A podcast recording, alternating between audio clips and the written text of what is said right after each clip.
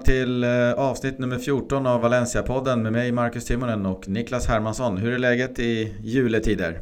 Läget i Skåne är bara bra. Ja, har du någon julkänsla? Nej, det är rätt dåligt med det faktiskt. Det är nästan eh, samma väder idag som det var på juni, juli någon gång. Så det är inte mycket julstämning än så länge i alla fall. Nej, vi får väl eh, ta fasta på att det snart är juluppehåll i La Liga. Det brukar vara ett säkert tecken för att det är dags för julafton. Ja, det är lite så. Nu blir det lite speciellt då med omgångar på liljulafton vad jag kan minnas så brukar det väl inte vara så. Nej, jag kan inte heller dra mig till minnes. Så det var väl ganska ovanligt tider också för matcherna va? Ja precis. Vi har El Clasico först klockan ett. Just. Som sen följs upp av då litet eh, valencianskt derby med Valencia mot Villarreal kvart över fyra och sen avrundas kvällen med Deportivo Celta Vigo tror jag. Så det var väl derby-lördag. Ja, verkligen. Real Madrid-Barcelona får vara El Clasico och sen så Villarreal-Valencia där får vara El Superclásico. Precis, det blev lite förrätt där och sen så är det huvudrätten med Valencia-Villarreal och sen är det lite så här Risa la Malta på kvällen med Deportivo Celta Vigo. Ja, det var Juve-Roma och det var fotbollsmatcher hela dagen lång. Ja, hela jul, julhelgen helgen höll jag på att säga är väl full med fotboll sen från Premier League också där de spelar var och annan dag. Det blir ingen, eller det kanske blir en uppesittarkväll med fotboll. Ja, det blir det istället kanske. Jaha, vi eh, inleder väl som vanligt med lite nyheter här och en rolig nyhet som kom här precis var ju att Valencia förlänger ett år med tröjsponsorn Blue,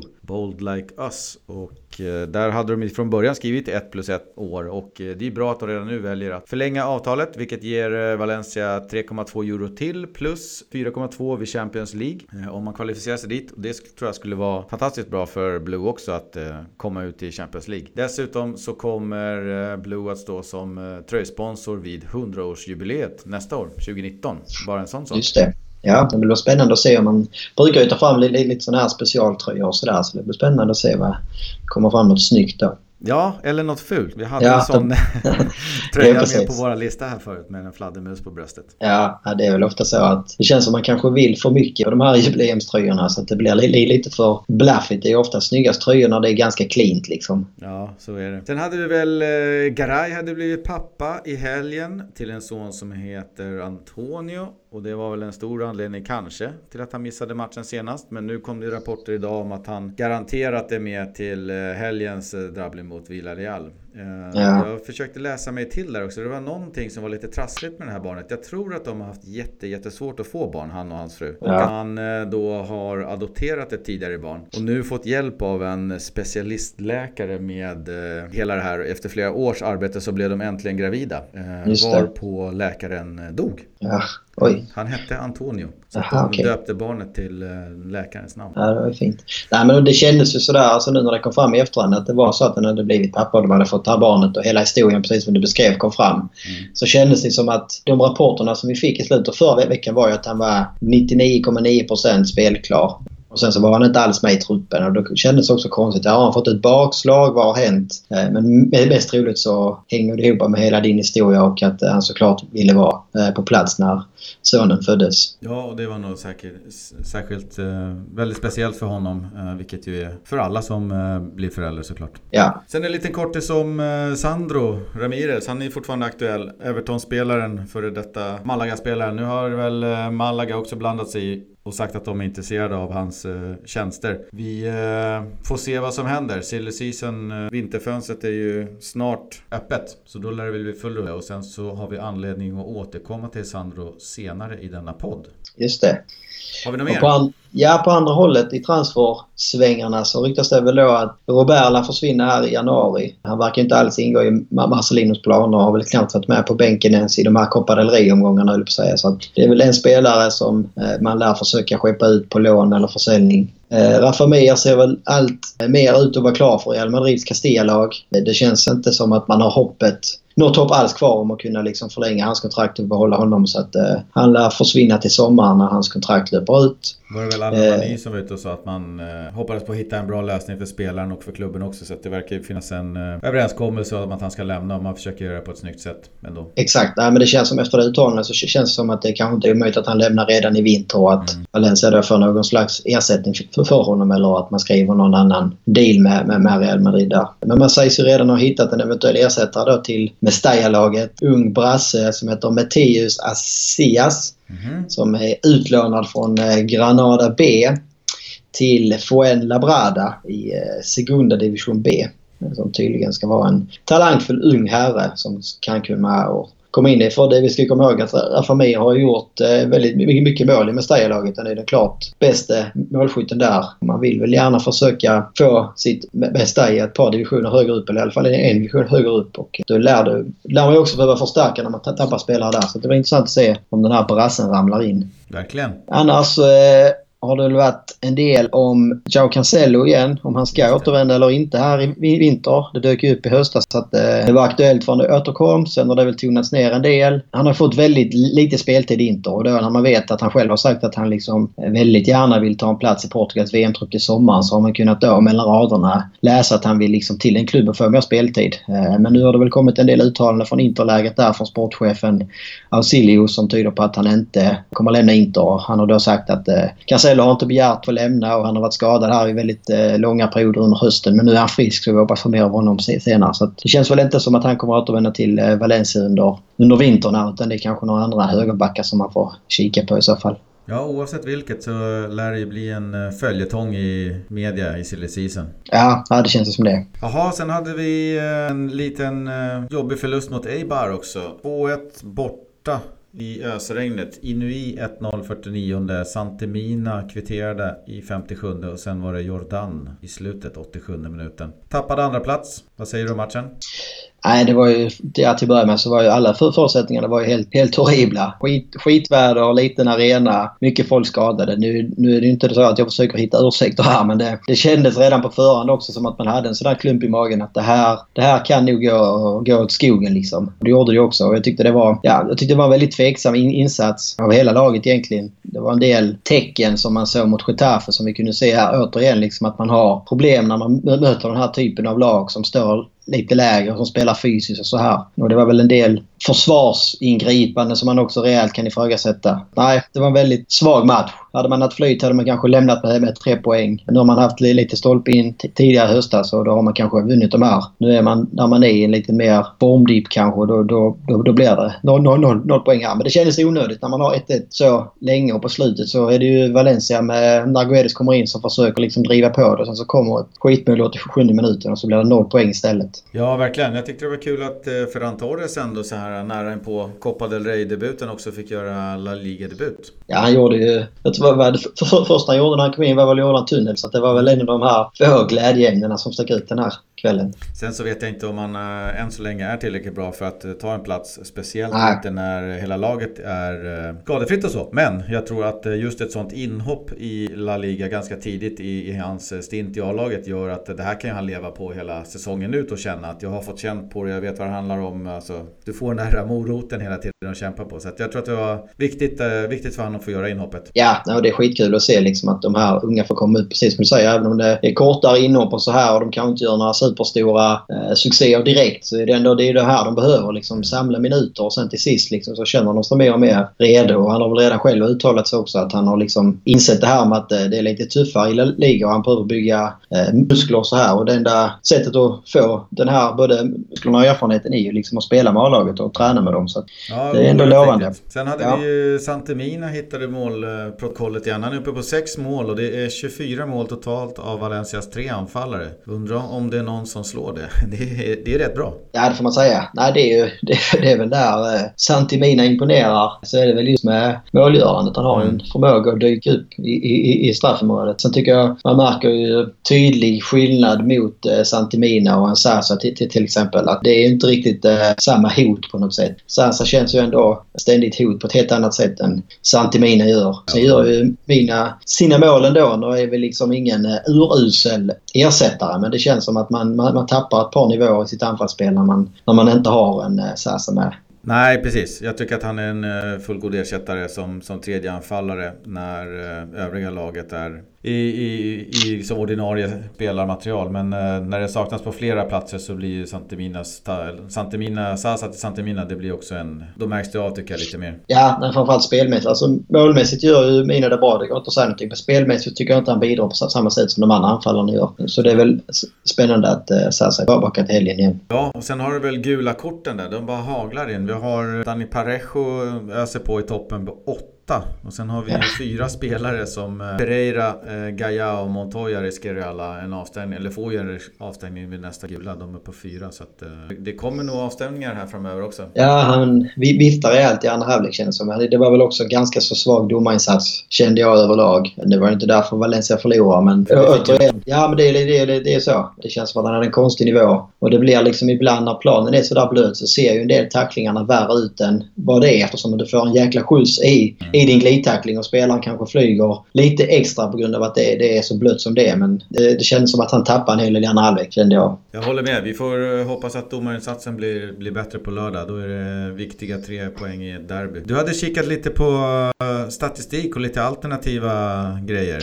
Just det. Nej, men jag är väl en, liten eh, statistiknörd så att jag har ju följt en del. Det finns en formel eller hur man ska uttrycka det som kallas expected goals. Förkortas XG. Det går helt enkelt ut på att man räknar fram ett lags förväntade mål i en match. Både förväntade mål framåt och förväntade mål bakåt. Eh, det gör man helt enkelt som så att varje skott analyseras och får då ett expected goal value så att säga. Det går säkert att googla det här för att läsa mer om det här och vi kan väl eh, lägga ut en del länkar också i våra sociala medier. Men det, det som är intressant med det här tycker jag det är att det säger en hel del om ett lag på lite längre sikt. Det, det går liksom att se om ett lag överpresterar eh, när man får med sig resultat i en del matcher där man kanske då rent statistiskt borde förlorat eller tappat poäng men där man då har det här stolpe in som vi säger istället för stolpe ut. Kollar man då, om vi kollar på den här senaste i Bar Valencia-matchen så skulle Valencia rent statistiskt vunnit den här eller skulle den slutit 1-1. Det var liksom fördel Valencia rent statistiskt. Och det är ganska intressant. För kollar man då tillbaka på en del andra omgångar så kan man ju se att Valencia, det här lilla oflytet som man kanske då hade mot Eibar har man då haft med sig mot eh, Bilbao till exempel. Och mot Betis kanske 6-3 var missvisande om man bara skulle kolla på hur statistiken såg ut i den omgången. Men över hela säsongen så ligger Valencia ändå på rätt placering nu när man är placerade på tredje plats. Eh, för enligt den här tabellen som man då kan få fram med den här statistiken så borde Barca vara etta, Real Madrid tvåa. Vilket då betyder att Real Madrid har så att säga underpresterat poängmässigt eh, jämfört med de målchanser som man skapat. Valencia skulle vara trea och Atletico Madrid fyra. Mm. Så det är lite ett spännande sätt att se på det hela. För att liksom lägga ihop det här med att ibland har man flyt och ibland har man otur men eh, över en längre period så jämnar det ofta ut sig. Och det man kunde se på samma statistik här det var ju precis som du och jag varit inne på innan att eh, Sasa har ju överpresterat i sitt målgörande om man säger så. Jag tror statistiken visar där att han egentligen borde gjort 3-4 mål mindre än vad han har gjort så att säga. Så han har varit extremt effektiv här i höst. Och blir kanske svårt att hålla samma effektivitet hela året. Så att han behöver väl komma till fler avslutslägen för att kunna hålla uppe sitt målsnitt. Ja, det kan vara lite kul. Men vi lägger väl ut en länk, en liten blänkare på Twitter eller någonting. Ja, den här lilla länken. kan man gå in där och kolla lite grann hur, man, eh, hur det ser ut. Ja, sen så hade jag väl egentligen två, två halvlånga utläggningar om den här förlusten. Som jag tycker å ena sidan så kan man liksom säga som så här att ja men det här var säsongens blott andra förlust. Och det är väl, det är väl liksom ingen som skulle som skulle klaga på det om någon har sagt innan säsongen att vi skulle stå efter 16 omgångar med två förluster bara. Och kollar man återigen tillbaka på säsongen då, eh, 03-04, så hade man en liknande svit där, där man gick liksom tre omgångar och bara tog fyra poäng precis som vi gjort här nu. Fyra omgångar till, till, till och med. Alltså att det, är ju, det är ju ibland bra att sätta det i perspektiv på något sätt. Men å andra sidan så kan man väl också säga att det som är oroande är väl kanske mer sättet som man har förlorat på mot lagen som man har förlorat på framförallt. Det, är ju, det känns ju som att Valencia har liksom tappat rytmen helt den senaste månaden egentligen kanske. Där självklart har ju skadorna framförallt, vi har haft en del avstängningar så här som har gjort sitt. Men eh, det är ändå en del fundamentala grejer som jag tycker man ser som, som är lite mer allvarsamt och som jag hoppas att man jobbar på. Det är väl att man, laget har haft förtvivlat svårt mot de här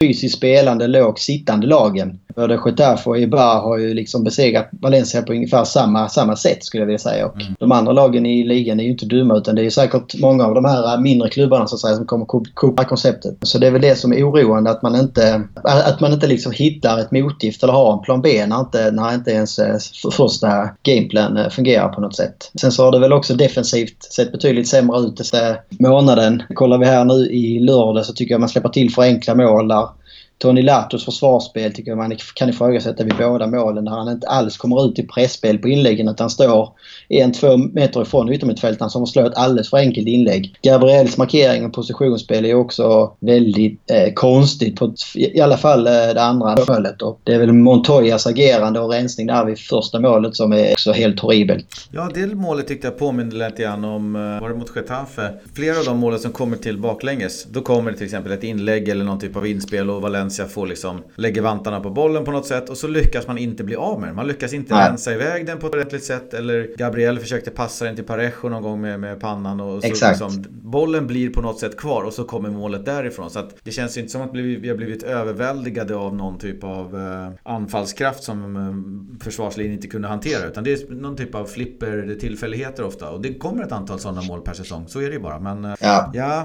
det känns lite likadant när boll, målen kommer till. Ja, jag håller helt med. Där är ju liksom ett par, tre sekvenser i de här målen där, där man liksom inte gör försvarsspelet som jag tror att man, man har sagt man, man, ska göra. Så det är liksom inte heller bara att det är en spelare som är nonchalant en tiondel sekund utan det känns som att, jag vet inte, om man, om man slappnar av ett par liksom sekunder eller ett par procent på något vis och inte riktigt eh, fullföljer sitt pressspel eller håller markeringen eh, stenhårt som man ska göra och sådär. Och det är väl det som är lite oroväckande i defensiven. Jag vet att det var något mål på Mestalla också som eh, det var, kan det vara på Bilbao eller någonting kanske, när, de, eh, när Montoya på den kanten försökte de rensa två, tre gånger och de blir inte av med bollen på den kanten. De bara spelar ut den till en motspelare hela tiden. Och sen så kommer ja. det till slut ett inlägg och så blir det ett baklängesmål. Det var också så här känsla att gör det där ordentligt nu. Tjonga iväg den där, lägg ut den för sidlinjen och, och, gruppera om. Ja, nej men det känns som att det är liksom självklart att man någon säsong kommer att släppa in mål. Man, man, man behöver inte göra det enklare för motståndarna än eh, nöd, nödvändigt på något sätt. De kan ju gärna få kämpa för att göra sina mål så att säga. Ja, så är det väldigt bra att det släpps in väldigt lite på fasta situationer. Det har de ju Ja, nej, det är väl stor skillnad mot i fjol där. Kollar man sen lite grann på offensiven så tycker jag att den ser ju betydligt mer fantasilös ut nu än den gjorde tidigare. Det känns inte som man har samma tydliga riktlinjer som man kunde se i höstas. Så kunde man nästan liksom ta bort eh, matchtröjorna efter ett tag så kunde man liksom tydligt se att det är exakt så här som Marcelino vill, spela och man kunde känna igen liksom Valencias spel på flera mils avstånd höll jag på att säga. Men nu så är det mer som att när inte plan A fungerar, vilket det oftast är att man vill liksom få till en snabb omställning. Då vet man inte riktigt hur man ska dyka upp försvaret och man, man hittar inte liksom de här eh, nycklarna i offensiven när, när man möter ett lag där framförallt som står hyfsat lågt. Och jag vet inte, det, det är självklart att det har mycket att göra med att man, man saknar nu till exempel spelare som Guedes och Sars och så här. Men jag, jag, tror inte heller man enkelt ska bara vifta bort det på grund av det. Utan det gäller väl att också laget hittar andra sätt att spela på när man möter lag som försöker neutralisera Valencias största hot som, kom, som är omställningarna. Det, det, liksom, det, det, det vet ju alla nu. Och jag menar i början av säsongerna så kunde man... Laget gjorde det bra fast man, man roterade runt och inte spelade med samma elva varje gång. Så att det känns kanske som en sån här klassisk bakfylla liksom när smekmånaden har varit här under hösten och en del spelare har blivit lite bekväma kanske. Man tappar någon halv procent där och bollarna studsar inte stolpe in längre och det är lite extra jobbigt och euforin har lugnat sig och lagt sig. Och samtidigt så har ju då den största överraskningsmomentet lagt sig hos de andra lagen på något sätt. Alla vet hur Valencia spelar nu och det känns ju som liksom alla lag vi möter nu kommer ju tydligare ha en gameplan som handlar om att stoppa Valencia till att börja med och liksom kriga om en poäng. Och det är få lag som kommer att bjuda upp till dans. Ja, nej, men så är det ju. Och samtidigt så tycker jag väl också att det blir, det blir ju väldigt tydligt. Vi har ju pratat om det innan också att det är ju oerhört tufft, för att inte säga omöjligt, att konkurrera hela vägen med en så pass tunn trupp som Valencia har jämfört med de andra konkurrenterna. Och det krävs ju, alltså för att Valencia skulle kunna vara en potentiell guldkandidat en hel säsong så krävs det liksom att man inte får någon nyckelspelare skadad en längre period eller absolut inte samtidigt. Vi har ju svårt att se något lag i ligan egentligen kanske som skulle klara sig eller att det där inte skulle märkas när man saknar fem nyckelspelare samtidigt som då Valencia gjorde i lördags. Där varken Sasa, Murillo, Guedes, Garay eller Soler startade. Mm. Så att det är ja, det är, på ena sidan så är det väl oroväckande och lite oväntat kanske att, eh, att man förlorar på det sättet som man gör. Men samtidigt så finns det liksom eh, ganska så bra förklaringar när man liksom ser vilka spelare det är som saknas. Det är ju i stort sett hela centrallinjen där med de två mittbackarna som har spelat mest. Yttrarna som har varit liksom det offensiva hotet och bästa målskytt. Ja, mycket så. Eh, vi tar väl och bokför den förlusten tyvärr igen ja. Pavel och kika vidare mot en trippel.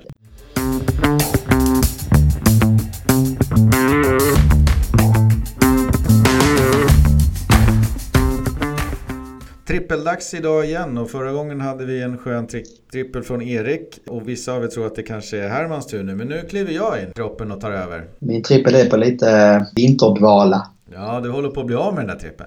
Ja, jag känner det med nu. Jag måste ladda upp en riktigt bra sen när jag väl får chansen. Ja, du får väl göra det nästa vecka efter en derbyseger eller något. Precis. Ja, jag tänkte i alla fall rada upp lite kring vintertransferfönstret eh, som står framför oss och vad Valencia enligt mig behöver få in. Så vi river väl av det i ordning. Där jag ja, det blir spännande. Då, ja, jag tänkte ta den mest viktiga platsen i laget att få in som första plats, prio 1 alltså, då tar vi den sist. Så vi börjar med den, ja, minst viktiga låter väl fel. Jag tycker att vi bör förstärka också. Men vi börjar med tredjeplatsen. Ja. Där har jag listat upp eh, en eh, anfallare. På tredje plats. Jag tycker att det behövs eh, tas in en anfallare, men det är inte den lagdelen som är allra, allra högsta prio. För vi har tre bra anfallare där samtliga levererar mål och har gjort 24 hittills i år, vilket ändå måste anses vara riktigt bra. Dessutom Absolut. så håller Marcelino på att skola om Ferran Torres, eller skola om och skola om, men han håller på i alla fall övar in honom som en forward och jag är inte helt säker på att det är tanken att det blir någon typ av permanent switch där, utan mer kanske att han kan vara ett fjärde alternativ i de fall det behövs. Sen kan det ligga någonting bakom att man kanske inte ser framför sig att man ska värva in och forward eller om det tänker för längre fram i tiden. Det vet jag inte. Men där är det lite så att man funderar på att ta in en eh, anfallare i Sandros kaliber till exempel. Då blir det ju väldigt många av platserna. Det är inte mig emot men eh, det kostar mycket pengar att dra runt fyra stycken så tunga anfallare. Och jag tror inte att till exempel då Rodrigo och Santemina tycker att eh, ja men vad skönt, nu är vi fyra, då kan vi sitta på bänken lite grann. Utan det blir många om platserna i sådana fall. Exakt, och sen är det som vi pratade om innan, så alltså Valencia har ju inte så mycket tävlingar nu heller. Så det är liksom ligan och Copa del Rey. Så att eh, det är inte så att vi går runt och spelar i Europa och vi har två, tre inhemska cuper. Utan det är, ibland är det två omgångar, annars är det oftast en match i veckan. Så därför behöver man ju också sällan rotera. Ja, precis. Och det har väl nämnts allt ifrån Gamero och annat. Men eh, vad det verkar i alla fall så är dialogen igång med Sandro Ramirez i, eh, i Everton. Och han fick ju faktiskt ett par minuter här nu senast i, eh, på på måndagskvällen.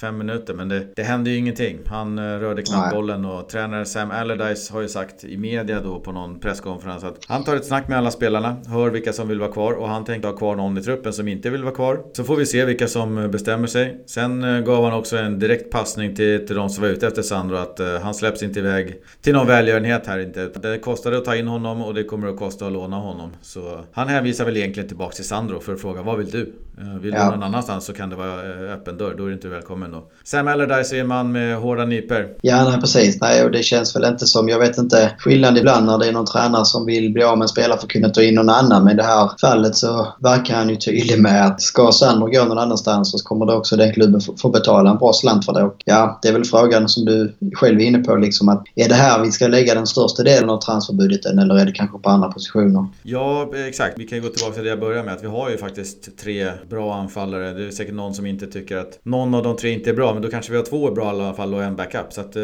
det är inte jätteilla ställt där. Men jag tar gärna emot eh, spets framåt eh, med tanke på skaderisk och Sasas eventuella operation. Jag vet inte om man kan planera in den till sommaren eller om den blir akut under vårkanten. Nej exakt, alltså det är väl egentligen just den pucken som är den stora anledningen till att man kanske vill att vi ska ta in en anfallare till som reserv eftersom att det känns osäkert med Sasas knä. Alltså vad händer om det helt plötsligt liksom pajar helt och han inte kan spela på hela våren och man går sönder januari? Då står vi bara där med Rodrigo och Santimina. Jag hoppas på om de tar in eh, Sandro här nu att det blir en lång stint i Copa del Rey så att man eh, kan få värva lite spelare. Ja, nej, det är väl inte omöjligt att eh, Santimina kan vikariera en del på yttern också kanske och sådär. Det, det jag gillar minst med Sandro det är väl att det känns som att jag hade gärna sett en annan spelartyp som kom in som är ja, men mer egentligen den här Vietto Gamero-typen som den här lille kvicka anfallaren liksom. Sandro känns som han är hyfsat lik de anfallarna vi har på något sätt. Den här rivige som sliter och sådär. Men samtidigt så är det också kanske en liten garanti. Alltså han kan ligan, han har gjort det bra och gjort mål i La Liga innan. Så det är liksom inte så att han ska eh, behöva ett halvår på, på sig och, och lära känna ligan eller språket. Men eh, ja, det, det, får inte kosta vad som helst om man säger så. Nej, så är det. Men uh, han ligger i alla fall närmast till han som man uh, följer silly season kring anfallet till Valencia. Om vi kikar på plats nummer två då, över positioner som jag tycker behöver förstärkas i vintertransferfönstret så är det en central mittfältare.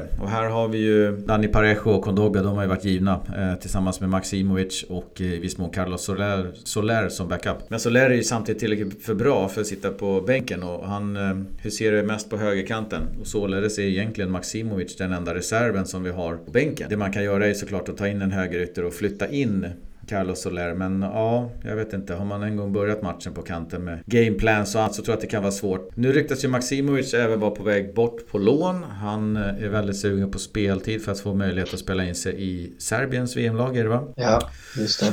Och om det händer något där, då behövs det verkligen tas in en central mittfältare. En spelare som förstår situationen också. Med att han kommer bli tredje val bakom de här två. Samtidigt så är det ju två herrar som drar på sig gula kort. Vi har inte sett så mycket skador än så länge. Så att eh, det blir ju tredje fiolen spelen. Men det kan ju vara någon lite yngre spelare som kan tas in där. Det är en speciell situation när man vet att man är den tredje, tredje valet. Precis, Nej, men det är en så pass viktig proposition i laget också på något sätt. Alltså det går ju ofta att hanka sig fram med en taskig ytterback eller en taskig yttermittfältare. Men just inom mittfält och mittback, det är ofta där man liksom behöver ha säkra kort eller hur man ska uttrycka det. För att det, det är ofta där som matcherna avgörs liksom. Och det håller kanske inte om man ska ha en Parejo och Kondogbia som ska som både drar på, på sig varningar, kommer få avstängningar och ja, en Carlos Soler, då kan du flytta in honom men vem ska du ha på kanten i så fall? Så det känns som, framförallt om Maximovic försvinner så känns det som att här är ett betydligt större hål att fylla än kanske på anfallsposition. Nej, och Maximovic har väl kanske inte rosat marknaden men samtidigt så tycker jag att han har inte varit oduglig när han kommit in.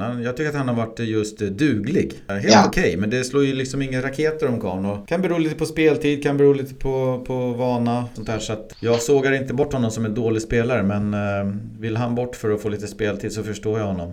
Det har ju pratats mycket om Stefan Sturaro från Juventus och Marcos Llorente från Real. Men ingen av dem lär väl vara intresserade av att sitta på bänken på Mestalla. Och jag tror att det här blir en riktigt svår nöt att knäcka. Ja, jag håller med. Alltså Llorente tror jag väl också att Real gick ut och sa att det kommer inte hända. Och Precis. kanske ännu mindre när då Valencia är en eh, i stort sett direkt konkurrent nu också. Att de skulle vara intresserade av att släppa liksom en spelare för att hjälpa Valencia. Det känns inte, inte så rimligt här i vinter. Då ska man hitta någon innermittfältare som är liksom eh, antingen precis som du är inne på någon lite yngre som liksom nöjer sig med det här och hoppar in en kvart år, en kvart år och spelar någon kopparmatch när det är en avstängning. Alternativt att hitta någon rutinerad räv som kan det här liksom, som inte sitter och fryser på bänken utan när han väl får chansen så går han in och kör och sen så är han en god gubbe på bänken. Men de spelarna växer ju inte på träd direkt. Nej, och det finns ju ganska få saker att locka med. Alltså förutom det vanliga med Mestalla och Valencia och vädret och allt det där. Det finns ju ingen Champions League eller Europa League eller något annat. Och Nej. inga jättelöner och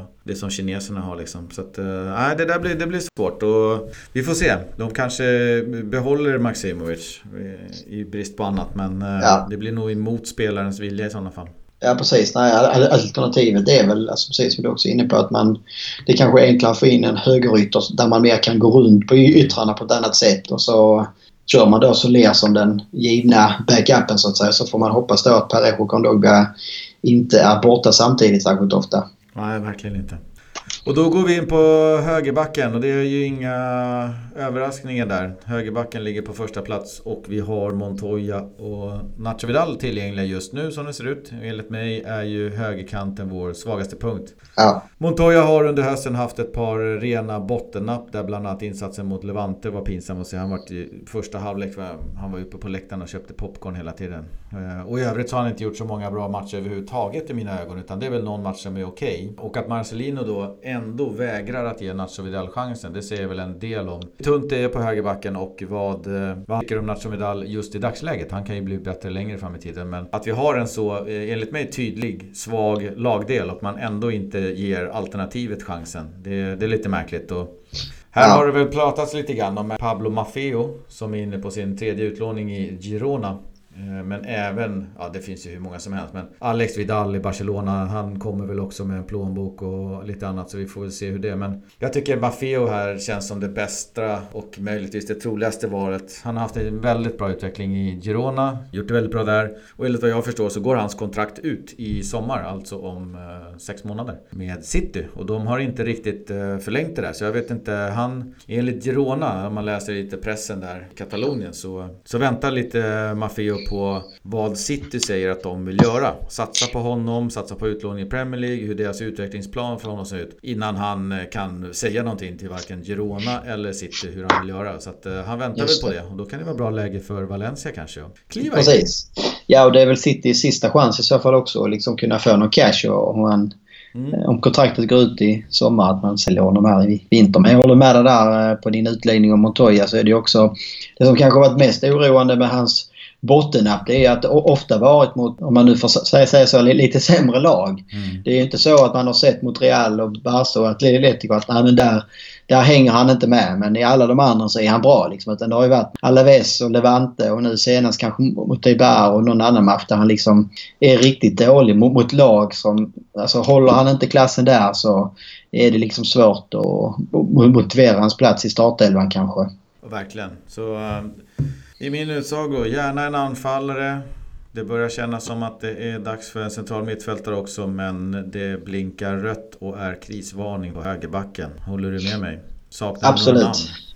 Nej, det gör inte. Det var väl... Eh, det är en del andra som det har pratats om. Men det var väl främst i sommaren egentligen eh, med Caceres och Lichsteiner. Darmian var ju uppe på tapeten här under hösten också men eh, det känns som det namnet har försvunnit igen i periferin kanske. Men det är väl just det här med Lichsteiner och Caceres som, som man kan liksom fundera på hur man egentligen tänker. Om man tänker att man har två högerbackar idag man vill ta in en högerback i vinter. Då står man med tre under våren. Sen ska man ta in ytterligare en i sommar. Då har man liksom fyra högerbackar i sommar. Plus en Cancelo som man då visst säkerligen räknar med att sälja i sommar. Men trots allt så är det minst fyra högerbackar. Så att ja, kanske kan man lösa... Om man nu... Det, det är ju ofta så att sommartransfern så kan du ofta få lite mer kvalitet för lite mindre pengar. I vinter är det ju ofta en anledning att spelare är lediga. Man får ofta betala lite mer eh, om man hamnar i den här paniken att man är tvungen att värva. Kan man bara få alla tre Eh, ordinarie mittbackar och friska så kanske det är någon där som man kan sadla om. För då, då, då skulle man i så fall ta fyra mittbackar på två positioner där med Garay, Morio, Gabriel och eh, Veso. Vesso. Det känns väl som kan, kan någon av dem sadlas om till en duglig högerback så tror jag att eh, samtliga av dem skulle göra det bättre än Montoya kanske. Ja verkligen, någonting behöver vi få in och vintertransferfönstret kan ju ibland vara lite trist då. Eh, mest på grund av att alla sitter i situationer att ja men visst vi kan tänka oss att släppa Sandro men då måste vi hitta någon annan. Och det Exakt. har vi svårt att göra och nästa, ja. nästa, nästa. Men jag har faktiskt gått och lanserat lite av en eh, tro om att det här vintertransferfönstret kan det balla helt. Och då tänker jag faktiskt primärt på svallvågorna som jag tror kommer bli enorma efter möjligtvis Özil, Sanchez och eh, Coutinho som samtliga, samtliga ryktas bort. Att det kan ge svallvågor hela vägen till La Liga och Serie A. Att det, det släpps upp luckor, det börjar göra större roteringar än vanligt och så vidare. och så vidare. Ja, det krävs ju ofta att det är en eller två så större övergångar och sen så följer ju svallvågor och så blir det liksom snöbollseffekten av det. Att eh, någon stor spelare försvinner där och sen drar det igång någon annanstans och så behöver de förstärka och så tar de någon från en mindre klubb och då behöver den mindre klubben ta från en ännu mindre och sen är det liksom hela spelet igång. Och det är, precis som du säger, det är sällan de senaste åren vi har sett det i vintern.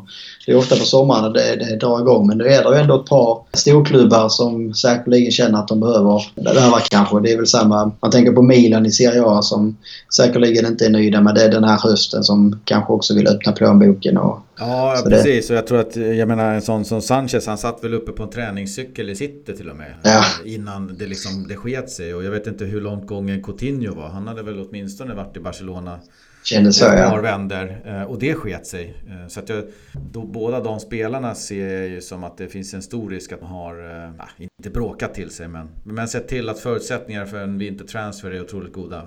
Har du chansen att gå till City och har du chansen att gå till Barcelona så, speciellt för en brasse som Coutinho till Barcelona så tror jag att det, det, är det han vill. Det är det han siktar ja. på och han vill inte se den chansen förbi det är väl bara att hoppas att Valencia kan liksom få in... Kollar man på vad man gjorde i vintertransferfönstret i fjol, där fick man in en Sasa som blev ja, en stor exakt. succé.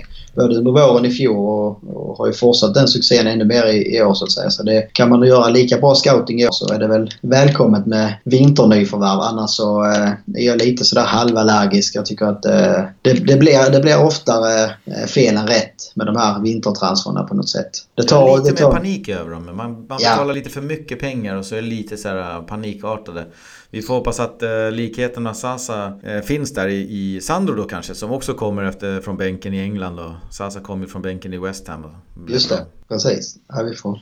Det blir spännande när fönstret öppnar i alla fall och följa denna cirkusen. Ja, så är det. Den, den, är vad den är, men den kan följas lite om man har distans till den och förstår hur den funkar. Att det, det är mycket cirkus. Eh, ja, precis. Man får ta det med en nypa salt. Ja, vi har även en eh, sida på Svenska fans kring Just det. det här fönstret. Vintertransferfönstret i Valencia som vi uppdaterar löpande med det som dyker upp utan att eh, värdera risken eller möjligheten eller seriositeten i det. Utan vi slänger upp den där så kan man läsa vad som står och sen får man se. Får man se vad som händer. Då ställer vi trippen där och går vidare till eh, nästa programpunkt.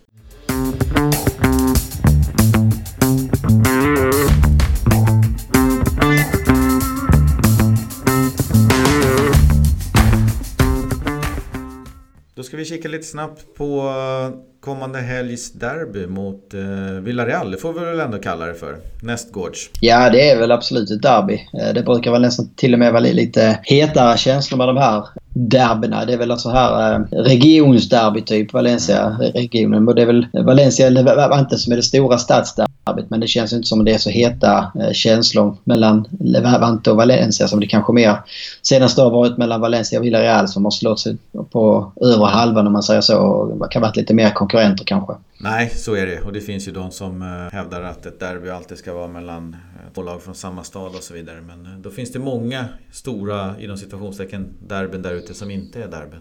Ja, så är det väl. Måttstocken. Så vi, vi kör derby. Eh, nästa hemmamatch nu till helgen. Lilla julafton på lördag. 16.15 hemma på Mestalla. Det sitter väl fint. Det är gammal brittisk fotbollstid plus en Ja, precis. Nej, det blir väl lagom där till glöggen på lördag eftermiddag. Lilla julafton och klä granen och ha ett derby på. Ja, Villarreal kommer också till matchen på lördag med en eh, vinst senast mot Celta. Eh, dessförinnan var det tre raka förluster mot Barça, Barca, Leganes och Sevilla. Och det är väl egentligen Leganes-matchen där som man kan fundera lite på. Men Sevilla och Barca-förlusten är väl mer eller mindre programenliga.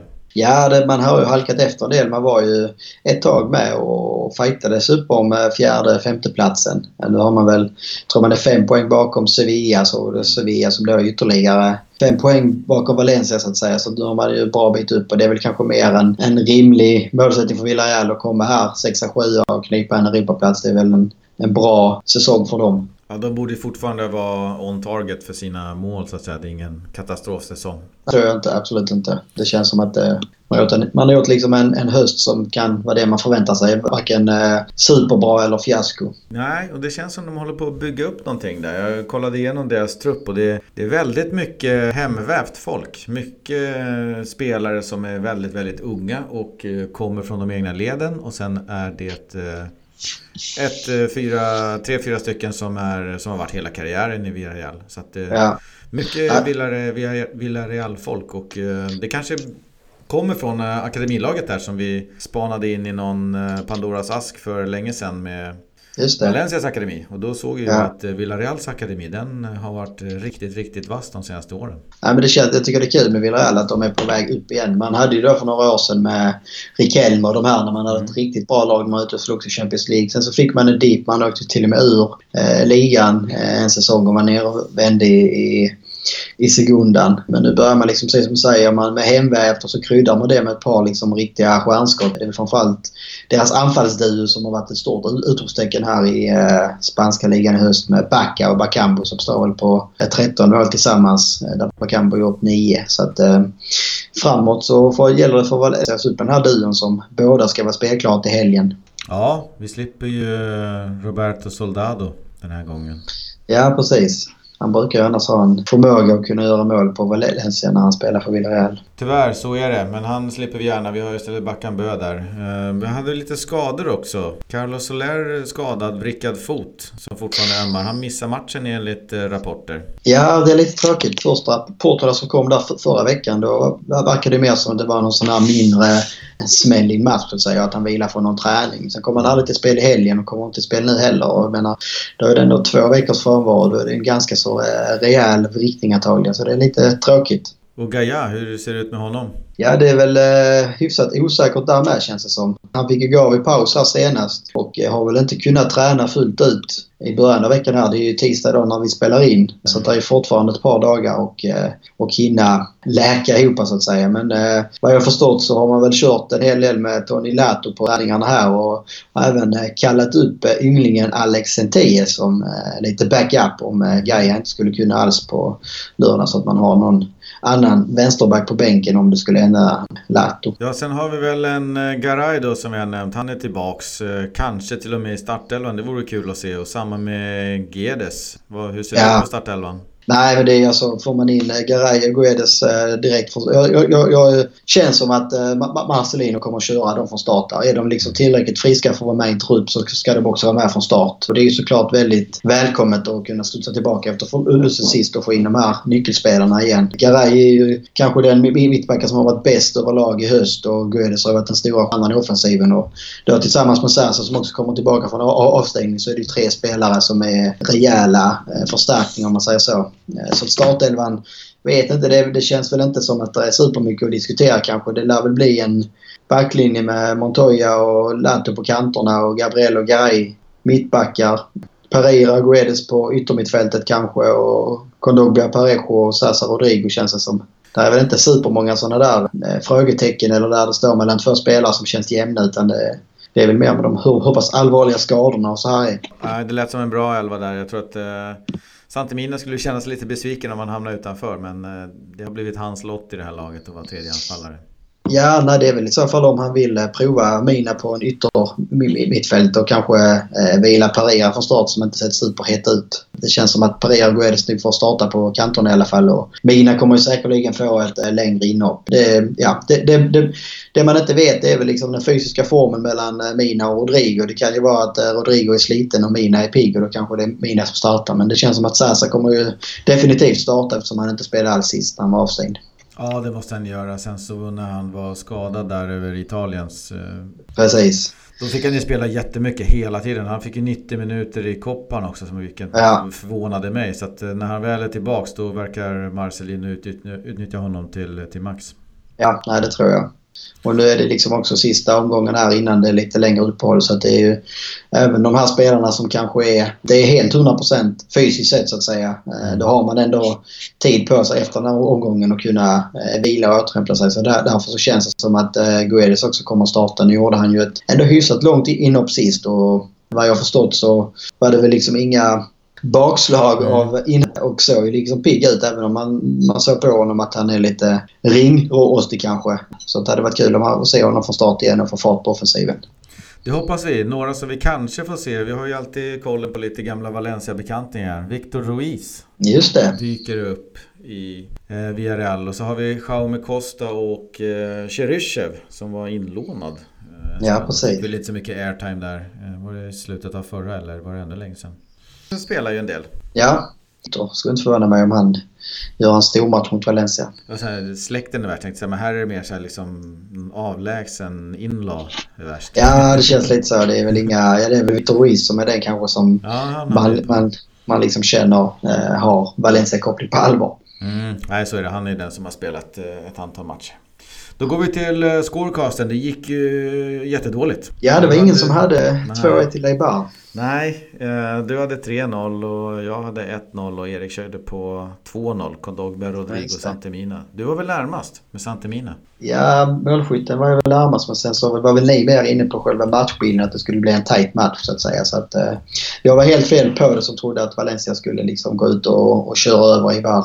Ja, jag eh, börjar väl tippa den här gången. Jag slänger ja. iväg en 3 1 Hoppas att eh, de förstärkningar som vi har gör att vi eh, kommer eh, med en bra gameplan och bra fart och så har vi fått tillbaka det här snabba spelvändningsspelet och trampar iväg från Villarreal och visar att nu ska vi gå till vintervila med en seger. Och då tackar vi Sasa för första målet. Ja, det var ju, låter som en strålande tips och det var väldigt likt det jag hade tänkt mig faktiskt. Men jag säger väl istället då 3-0. Jag tror att nu när Garay är tillbaka där bak så är han tillräckligt övertygad underliggande för att liksom se till att nu ska vi fan stänga hösten med och hålla tätt bakåt. Mm. Så att det blir nollan bakåt och framåt som vi var inne på innan så är Guedes och Sasa tillbaka nu och den duon, om man säger så, har haft fina connections innan under hösten och nu var det länge sedan de spelade tillsammans så nu tror jag det är dags för en litet eh, målfyrverkeri om man kan kalla det det. Eh, så Guedes gör första målet. Det blir ingen inhämtning av tre poäng från min sida? Nej, inte tre men kanske två. kanske två. Eh, det var det. Tiden rinner iväg när man sitter här med tomtemössa och väntar på julafton. Eh, men vi pushar väl lite för de kanaler som vi finns i. Svenska fans framförallt. Sen har vi Facebook, Twitter, Instagram. Där finns vi under Valencia-podden. Och sen så kan ni även mejla oss på valenciapodden podden at gmail.com. Vad som helst, kritik, feedback, frågor och förslag. Det är bara att höra av sig. Har du någonting eh, avslutningsvis? Nej, jag kan väl bara till kort tipsa om... Eh, det var ju en liten eh, intervju med Jocke Björklund på Valencias hemsida på engelska som kan vara kul att gå in och läsa. Vår vän Björklund. Mm. Ja, den såg jag. Den rekommenderas. Och sen så har vi väl planer på att dyka upp direkt efter jul som en dålig reklamlåt. Vi försvinner inte. Vi Nej, precis. Lite mellandagssnack. Så ja, att vi får väl, fel. får väl passa på att önska alla våra lyssnare en god jul helt enkelt. Och eh, förhoppningsvis får vi en fin julklapp redan på lördag med en derbyseger. Ja, precis. Eh, den måste ju snackas ner. Så att, nej, men jag tror att vi hörs av i mitten av nästa vecka och kör en till. Så vi önskar väl än så länge bara en eh, Feliz Navidad.